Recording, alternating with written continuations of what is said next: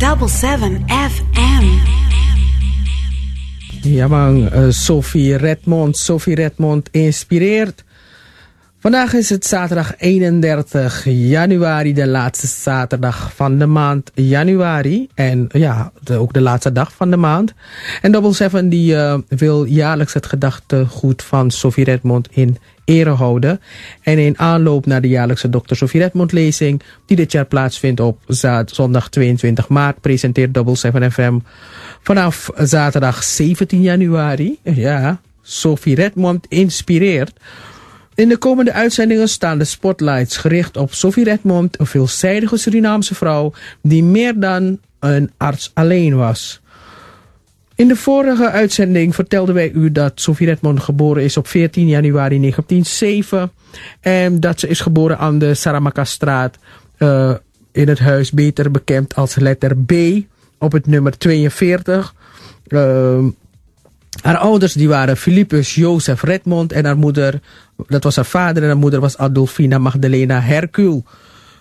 Sophie Redmond had één jongere zus en die heette Wilhelmina Josefina Charlotte. Ze verschilden één jaar van elkaar. Sophie Redmond die heeft haar ouders vanaf haar, uh, met haar ouders vanaf haar derde tot haar elfde in Nikeri gewoond. Haar vader die was onderwijzer en uh, op haar elfde verhuisde ze dus weer naar Paramaribo.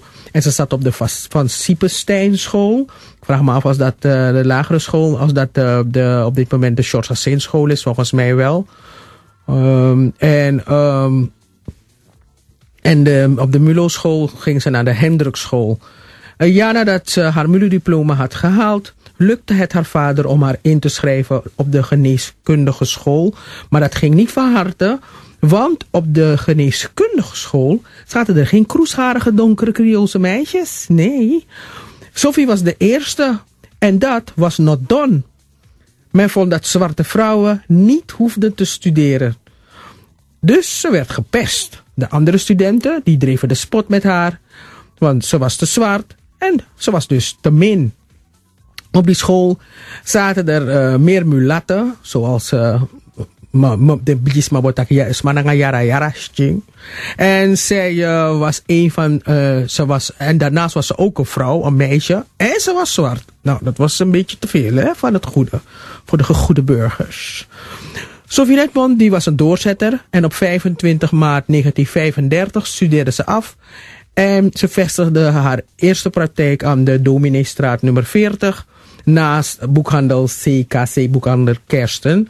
En vanaf 1 juli 1939 vestigde ze haar praktijk aan uh, de Zwarthovenbrugstraat nummer 80. En dat was het vroegere huis van dokter I.F. Voet. Dr. Sophie Redmond was uh, over het algemeen vrij ernstig. Als man bij Laf voor en TV, nee.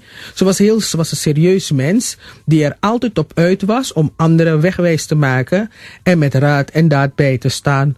Sophie Redmond was niet iemand die uh, gauw lachbuien had. Nee, dat had ze dus niet. Op 19 februari 1941 trouwde ze in het geheim met haar jeugdliefde, Emil Monko, die ze op school had ontmoet. En uh, dat was tegen de wil van haar vader. Emiel die werkte graag op de grond van zijn schoonouders op Overtoom. En daar plantte de familie groente en fruit, sinaasappel, pompelmoes, advocaat, ananas, banaan, taya, napi, cassave. En soms hielp Sophie mee. En na al dat harde werken nam ze graag een lekker badje in het uh, koude cola water van uh, Para. Ze kon niet zwemmen, dus ze gebruikte een grote rubberen vis.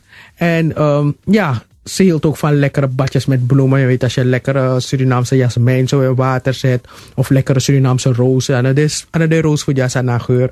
Maar de serana roos die lekkere geurtjes hebben. En dan laat je het een beetje staan en dan ga je ermee baden. Oh heerlijk, wat een lekker badje kan je doen. Kan je dan nemen. Zo, je hoeft niet eens... Je hoeft geen enkele geesten, blauwe of whatever erin te zetten. Nooit gewoon die bloemen die maken je helemaal happy de peppy.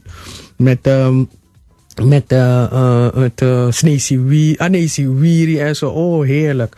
Maar goed, Sophie Redmond die stond in de gemeenschap ook bekend als iemand die kinderen wat nuttigs wilde bijbrengen. Kinderen kwamen bij haar thuis boeken lezen.